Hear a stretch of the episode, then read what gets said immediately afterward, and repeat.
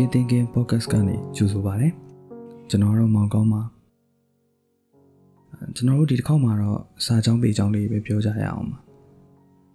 စာကြောင်းပေကြောင်းနဲ့ပတ်သက်ရင်ကျွန်တော်ပြောချင်တာတွေပြောစရာတွေကတော်တော်ကိုများပါတယ်ဆိုတော့ကျွန်တော်ပြောချင်တာတွေကိုပြည့်ပြည့်စုံစုံနဲ့ကောင်းကောင်းမွန်မွန်ပြောသွားလို့ရအောင်အဲကျွန်တော်ဒီတစ်ခေါက် podcast လေးကိုအပိုင်း၃ပိုင်းခွဲထားပြီးပြောသွားဖို့စီစဉ်ထားပါတယ်ပထမဆုံးအနေနဲ့ကျွန်တော်တို့ဟို ထုံးစံမပြတ်လေးနဲ့စလိုက်ရင်ကောင်းမလားအာစာဖတ်ခြင်းအကျိုးကျေးဇူးဘာညာပေါ့ကျွန်တော်တို့တွေကစာဖတ်ခြင်းအကျိုးကျေးဇူးဆိုတာတွေကိုဟိုစုံစည်းနေအောင်ဒီပူပြီးဖြစ်လောက်ပါတယ်အာလူကြီးတွေပြောတာတွေအာစာပေဟောပြောပွဲတွေနောက်ဆုံး social media ပေါ်ကစာတူပိစာတွေမှာအစားစာဖတ်ခြင်းကဘလို့ကောင်းကြောင်းဘလို့ကျေးကျေးဇူးတွေရကြောင်းအဲဒီလိုတွေမိတ်ဆွေတို့အနေနဲ့အမြဲတမ်းတွေ့နေမြင်နေကြားနေရမယ်လို့ထင်ပါတယ် ဆိုတော့ကျွန်တော်ကအဲ့ဒီအကျိုးတွေဘာတွေညာတွေကိုအထူးတလည်းမပြောတော့ပါဘူးကျွန်တော်တို့တွေအဲ့ဒီစာဖတ်ခြင်းအကျိုးကျေးဇူးဆိုတာတွေကိုကြော်လိုက်ပြီးသွားတော့စာဖတ်သူအကြောင်းကနေစပြီးတော့ပြောချင်ပါတယ်စာဖတ်သူတွေအကြောင်းကိုပြောဖို့အတွက်ကျွန်တော်တို့တချို့အချက်လေးတွေကိုပထမဆုံးစမ်းစစ်ဖို့လိုပါတယ်ဘယ်သူတွေကစာဖတ်ကြတယ်လဲစာဖတ်တဲ့သူတွေကဘယ်ရွယ်တွေလဲဆိုတာပါကျွန်တော်တို့နိုင်ငံရဲ့အဓိကအားနည်းချက်တွေထဲမှာ survey data တွေမရှိသလောက်နေတာလည်းပါပါတယ်ဒီတော့ကျွန်တော်တို့ကဒီနိုင်ငံရဲ့လူဦးရေဘယ်လောက်ကတော့စာဖတ်တယ်ဘယ်ရွယ်တွေကစာဖတ်တယ်အာဘာအတွက်ကြောင့်စာဖတ်ကြရဲဆိုတာတွေကိုအတိအကျသိနိုင်မှုမလွယ်တော့ပါဘူး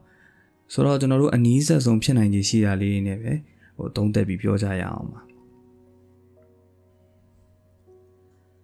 ကျွန်တော်ကတော့စာဖတ်ကြတဲ့အရွယ်ကအသက်15နှစ်ကနေပြီးတော့65နှစ်အတွင်းအများဆုံးဖြစ်နိုင်တယ်လို့ကောက်ချက်ချပါတယ်။ ဒါကစနစ်တကျစူးစီးထားတဲ့အချက်လက်မျိုးတော့မဟုတ်ပါဘူး။ကျွန်တော်စဉ်းစားမိတဲ့ logic သက်သက်ပါ။အသက်15နှစ်မတိုင်ခင်ကတည်းကစာဖတ်နေကြတဲ့ကလေးတွေလည်းရှိနိုင်တယ်လို့80ကျော်80ကျော်အထိစာအုပ်ကိုလက်ကမချရတဲ့လူကြီးတွေလည်းရှိမှာပါ။အဲဒါပေမဲ့အသက်65နှစ်ကျော်သွားပြီဆိုလို့ရှိရင်စိတ်သွားတိုင်းကိုမပါနိုင်တဲ့အရွယ်မျိုးဖြစ်လာပြီဆိုတော့အဲစာဖတ်ခြင်းနေဆိုရင်တော့မှမျက်လုံးကစာဖတ်ဖို့အဆင်မပြေတော့တာမျိုးအာယုံစူးစိုက်နိုင်မှုကျလာတာမျိုးတွေရှိနိုင်လို့ ကျွန်တော်ကပြန်ပြန်65နှစ်အထိပဲအမြင့်ဆုံးအသက်အရွယ်ကိုထားလိုက်တာပါအဲ့လိုပဲ15နှစ်အောက်ငယ်တဲ့ကလေးတွေကိုအုံနောက်နဲ့စိတ်ပိုင်းဆိုင်ရာဖွံ့ဖြိုးတိုးတက်မှုအနေအထားနဲ့ပြန်ချင်းချင်းကြည့်တဲ့အခါမှာစာပေရဲ့သဘောတဘာဝကိုအပြည့်အဝသဘောမပေါက်နိုင်တဲ့အနေအထားမျိုးဖြစ်နေနိုင်ပါတယ်တကယ်ကအသက်15နှစ်ပတ်ချာလဲမှာပဲဟိုဖတ်တဲ့စာအုပ်စာပေရဲ့အနှစ်သာရကိုတည်တည်ချာချာနားလည်စာပြုတဲ့အရွယ်မျိုးဖြစ်ပါတယ်။အဲ ဒီနေရာမှာကျွန်တော်ကိုယ်တိုင်ကြုံခဲ့ရလေးနဲ့ပဲရှင်းပြီးတော့ပြောပြပါမယ်။အဲကျွန်တော်ဆရာချေဦးညိုရဲ့လင်္ကာဒီပချစ်သူကိုပထမဆုံးအချိန်စာဖတ်တော့အသက်12နှစ်အရွယ်ပါ။ကျွန်တော်မှာစာအုပ်တစ်အုပ်လုံးဖတ်လို့သာပြီးသွားပဲမဲ့ဒီစာအုပ်ကဘာလို့ဆိုလိုရလဲဘာကြောင်းရလဲဆိုတာကိုမသိနိုင်ခဲ့ပါဘူး။အာတမိုင်းနောက်ခံပုံမှန်အခြေဝတ္ထုစာအုပ်တစ်အုပ်လိုပဲကျွန်တော်ထင်ခဲ့မိတာပါ။အဲဆရာစာအုပ်ကဒတဂီရီနဲ့မေတီတာအကြောင်းဆိုတာတော့မှဟိုစောက်ဖက်ပြီးတော်တော်ကြာတော့မှကိုဆက်ဆက်ပြီးစဉ်းစားနိုင်မိခဲ့တာပါအဲ နောက်ဆယ်တန်းပြီးသွားတော့မှဆရာစာအုပ်တွေကိုပြန်ဖယ်ရင်းနဲ့လင်္ကာဒီဘတ်ချစ်သူကိုထပ်ဖတ်တော့မှစောက်ရဲ့ဆိုလိုရင်းနဲ့အဖွင့်အွယ်ရတာကိုဟိုခန်းစားတက်ခဲ့တယ်ပေါ့နော်ခန်းစားလို့ရခဲ့တယ်ဆိုတော့စာအုပ်တအုပ်ကိုဘယ်ရွယ်မှာဖတ်တယ်လဲဘလို့ခန်းစားချက်မျိုးနဲ့ဖတ်တယ်လဲဆိုတာပေါ်မှာမူတည်ပြီးတော့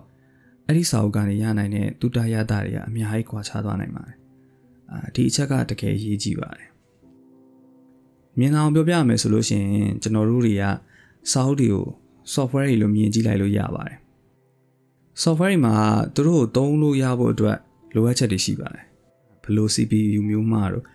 RAM ဘယ်လောက်ရှိမှတော့ memory ဘယ်လောက်ပါမှတော့ graphic ကဘယ်လောက်အတိုင်းထားတည်ရှိမှဆိုတော့ system requirement တွေ minimum specification တွေရှိပါတယ်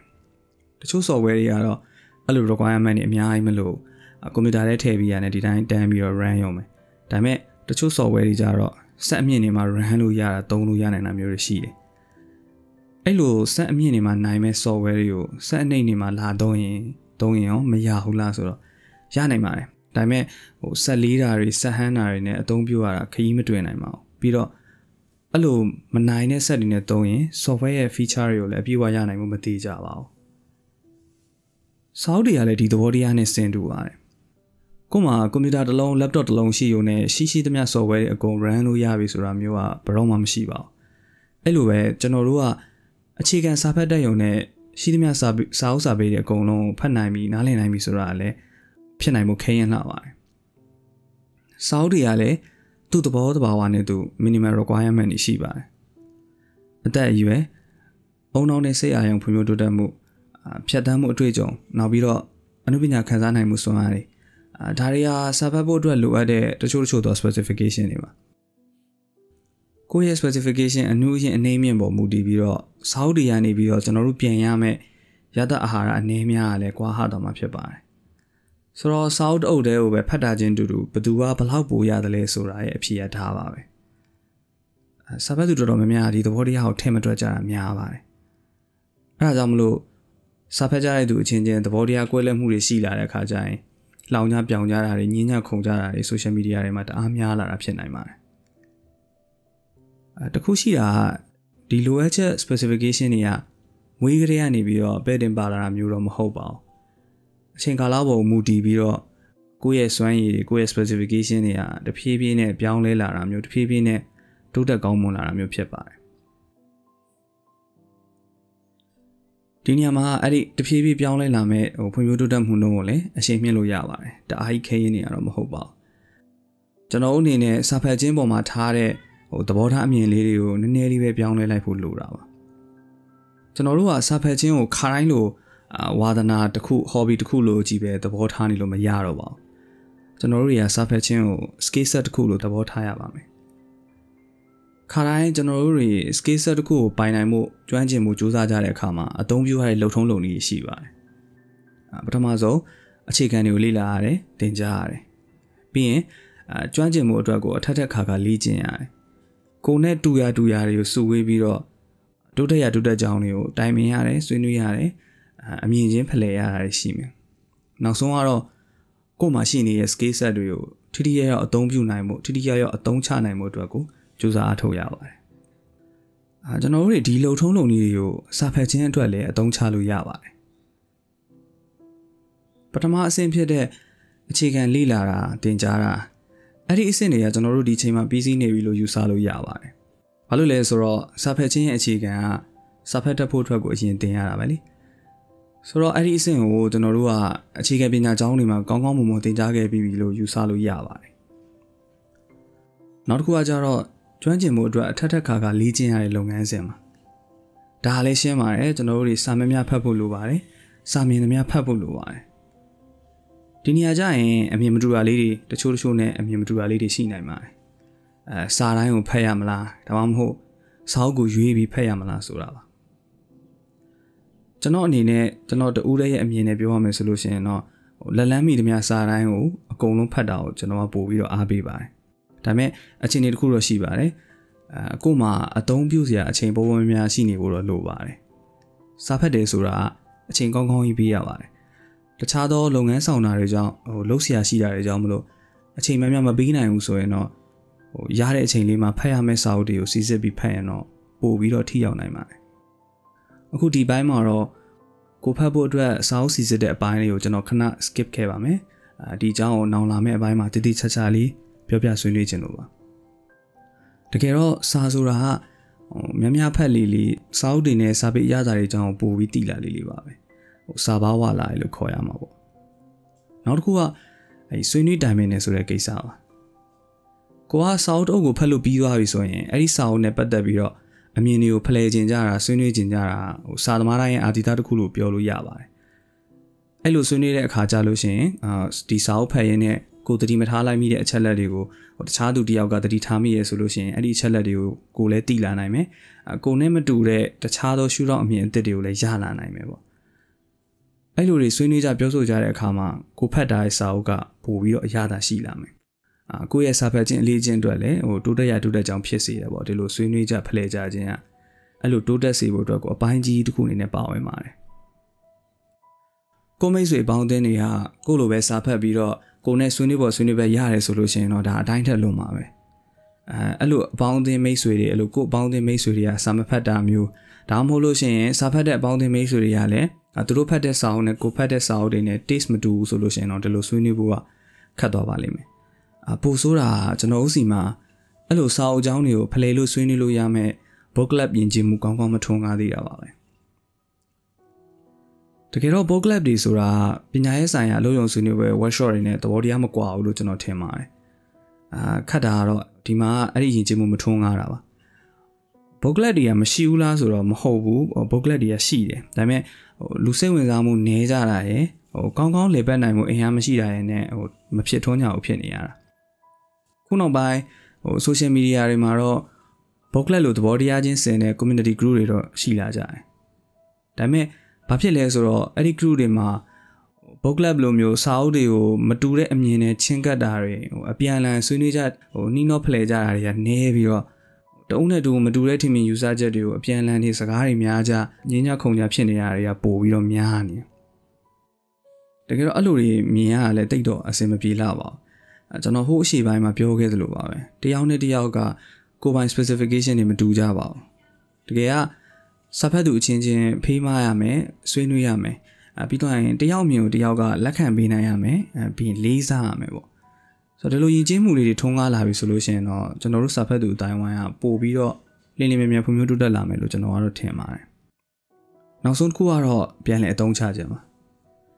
စာဖတ်ခြင်းကို skill set တစ်ခုလို့သဘောထားရမယ်ဆိုပြီးတော့ရှေ့မှာပြောခဲ့ပါတယ်ဆိုတော့ skill set တစ်ခုရဲ့အဓိကအနှစ်သာရလက်တွေ့ဘဝမှာအကျိုးရှိရှိအသုံးချနိုင်ခြင်းပါပဲ ကျွန်တော်တို့ဖတ်ထားလေ့လာထားတဲ့စာပေတွေကိုလက်တွေ့ဘဝမှာအသုံးချနိုင်တဲ့အသုံးချလို့ရနိုင်တဲ့အနေအထားတွေရအောင်သွားရပါမယ်ဒီတော့စာပေကိုလက်တွေ့မှာဘယ်လိုအသုံးချမလဲငငယ်တော့ကတော့အချစ်ဝတ္ထုတို့ဘာတို့အစာအုပ်တွေထဲမှာလို့အရေးသားကောင်းကောင်းလေးတွေမြင်နေဆိုလို့ရှိရင်တော့ကူးပြီးတော့ရေးသားစာတွေထည့်ရေးလိုက်တာပဲဒေါ်ကီလန်းလန်းလေးပါတယ်ဆိုရင်လည်းမှတ်ထားပြီးတော့အကိုကျူတဲ့ခါကြလို့ရှိရင်ထည့်သုံးလိုက်တာပေါ့ဒါလည်းပြန်ပြီးတော့အသုံးချခြင်းတပြိုပဲလေ အဲဒါပေမဲ့အသက်ကြီးလာတဲ့ခါကျတော့အဲ့လိုမျိုးတွေသုံးတာတွေကတိတ်ပြီးအဆင်မပြေတော့ဘူးလေနော်စောင်းစာပေတွေကနေပြီးတော့ဟိုလက်တွေ့ဘဝအတွက်အကောင်းဆုံးအသုံးချနိုင်တာစာပေတွေက logic တွေပါပဲအာ logic ဆိုတော့ကျွန်တော်ဘာသာမပြန်တော့ဘူးဘာသာပြန်လိုက်ရင်လည်းဟိုဆိုလိုရင်းအတိတ်ပဲကိုယော့သွားလိမ့်မယ်အဲကျွန်တော်တို့တွေကစောင်းတစ်ခုလုံးဖတ်ပြီးပြီးအဲဒီစောင်းနဲ့ပတ်သက်လို့ဆွေးနွေးတာတွေဟိုအချင်းချင်းတိုင်ပင်ကြတာတွေဆွေးနွေးကြတာတွေအမြင်ချင်းဖလှယ်တာတွေလုပ်နိုင်ပြီဆိုလို့ရှိရင် ဒီစောင်းရဲ့ဆိုလိုရင်းကဘာလဲသူ့ရဲ့အဓိကအနှစ်သာရဘယ်လိုမျိုးလဲဒီစာအုပ်ရဲ့လားရနဲ့လာရဘာတွေလဲဆိုတာကိုကျွန်တော်တို့တွေသိနိုင်ပါပြီအပြည့်စုံမဟုတ်ဘူးဆိုရင်တော့မှအကြမ်းပြန်တော့သဘောပေါက်နိုင်ပြီလို့ကျွန်တော်ထင်ပါတယ်စာအုပ်ရဲ့ logic ဆိုတာအဲ့ဒါတွေပါပဲအဲ့ဒီ logic တွေကိုနားလည်နိုင်ပြီဆိုရင်တော့စာအုပ်တွေကကျွန်တော်တို့ကိုယ်တိုင်ကြုံတွေ့ကြရမလို့ပဲနဲ့ရနိုင်တဲ့ကျွန်တော်တို့ရဲ့ဘဝအတွေ့အကြုံတွေဖြစ်လာမှာပါ အဲ့ဒီအတွေ့အကြုံတွေအဲ့ဒီ logic တွေကိုကိုယ့်ဘဝအတွက်ပြန်လည်အသုံးချနိုင်ပြီဆိုရင်တော့စာဖတ်ခြင်းအနှစ်သာရအပြည့်စုံသွားမှာပါဒီနေရာမှာစိတ်ထဲပေါ်လာတာတခုရှိတယ်အာကျွန်တော်တို့တိုင်းဇက်လန်တွေရောတိုင်းဝိတုစာအုပ်တွေကလို့တိုင်းသမားတွေပေါ့အာတိုင်းသမားတွေကလို့တိုင်းကျင်းတဲ့ခါကြလို့ရှင်လို့တိုင်းညမ်းတွေကိုလေ့ကျင့်တာများသွားလို့ရှင်ကွက်ပြောက်ဖြစ်သွားတယ်ဆိုတာရှိတယ်ဆိုတော့သူတို့ရဲ့တိုင်းကွက်တွေကဟိုမူရင်းကျန်းတွေကလို့ကြီးမဟုတ်တော့ဘဲနဲ့သူတို့နဲ့တသားတည်းဖြစ်သွားတာပေါ့သူတို့ပုံစံနဲ့သူတို့ဖြစ်သွားတာမျိုး အဲ့ဒါဘာလို့လဲဆိုတော့သူတို့တွေကဟိုကျန်းတွေကတိုင်းကွက်တွေရဲ့ logic တွေကိုနားလေသွားဆိုတော့အဲ့ဒီ logic ကိုသဘောပေါက်သွားတဲ့ခါကျတော့ကျန်းနေရအတိုင်းတိုင်းခွက်အတိအကျမဟုတ်ဘူးဆိုလို့ရှိရင်အဲ့ဒီတိုင်းခွက်ကအစွမ်းထက်နေတော့မှာပေါ့ကျွန်တော်တို့စာတွေဖတ်တဲ့အခါမှာလည်းဒီသဘောတရားပါပဲဟိုကျွန်တော်တို့ဖတ်တဲ့စာတွေတွေက logic တွေကိုသဘောပေါက်ပြီးတော့ပြန်လည်အသုံးပြုနိုင်တဲ့အခါကျရင်ကျွန်တော်တို့လည်းစာဖတ်တဲ့နေရာမှာကွက်ပြောက်ဖြစ်သွားပါတယ် အဲ့လိုမဟုတ်ဘဲနဲ့ဟိုစာဖတ်ပြီးတိုင်းစာအုပ်ထဲကဇက်ကွက်တွေလောက်ပဲမှတ်မိနေတဲ့စာစာတိုင်းပဲရှိနေသေးတယ်ဆိုလို့ရှိရင်တော့စာအုပ်ထဲကတကယ်အသုံးဝင်မဲ့ကြိုးကျေးဇူးတွေရလာနိုင်မှာမဟုတ်ပါဘူးအခုပြောသွားတာတွေကစာဖတ်နီးလမ်းညွှန်ရလို့တော့လည်းမဟုတ်ပါဘူးစာဖတ်နေကြသူတွေအတွက်နည်းနည်းလေးပဲဖြစ်ဖြစ်အကျိုးရှိပါသည်ဆိုပြီးပြောပြပေးတယ်ကျွန်တော်ရဲ့ကိုယ်ပိုင်ကြံပြုချက်တွေပါအကြံပြုချက်ဆိုတဲ့အတိုင်းပဲလက်ခံတာလက်မခံတာကတော့မိတ်ဆွေတို့ဆုံးဖြတ်ရမယ့်အပိုင်းဖြစ်သွားပါတယ် ဒီနေ့ podcast ပိုင်းလေးကတော့ဒီလောက်ပါပဲနောင်လာမယ့်အပိုင်းလေးတွေမှာတော့စာအုပ်မျိုးစားတွေအကြောင်းဆွေးနွေးရင်းနဲ့ကျွန်တော်တို့ပြန်ပြီးတော့ဆုံးကြပါအောင်မယ်အားလုံးပဲ happy good day ပါခင်ဗျာ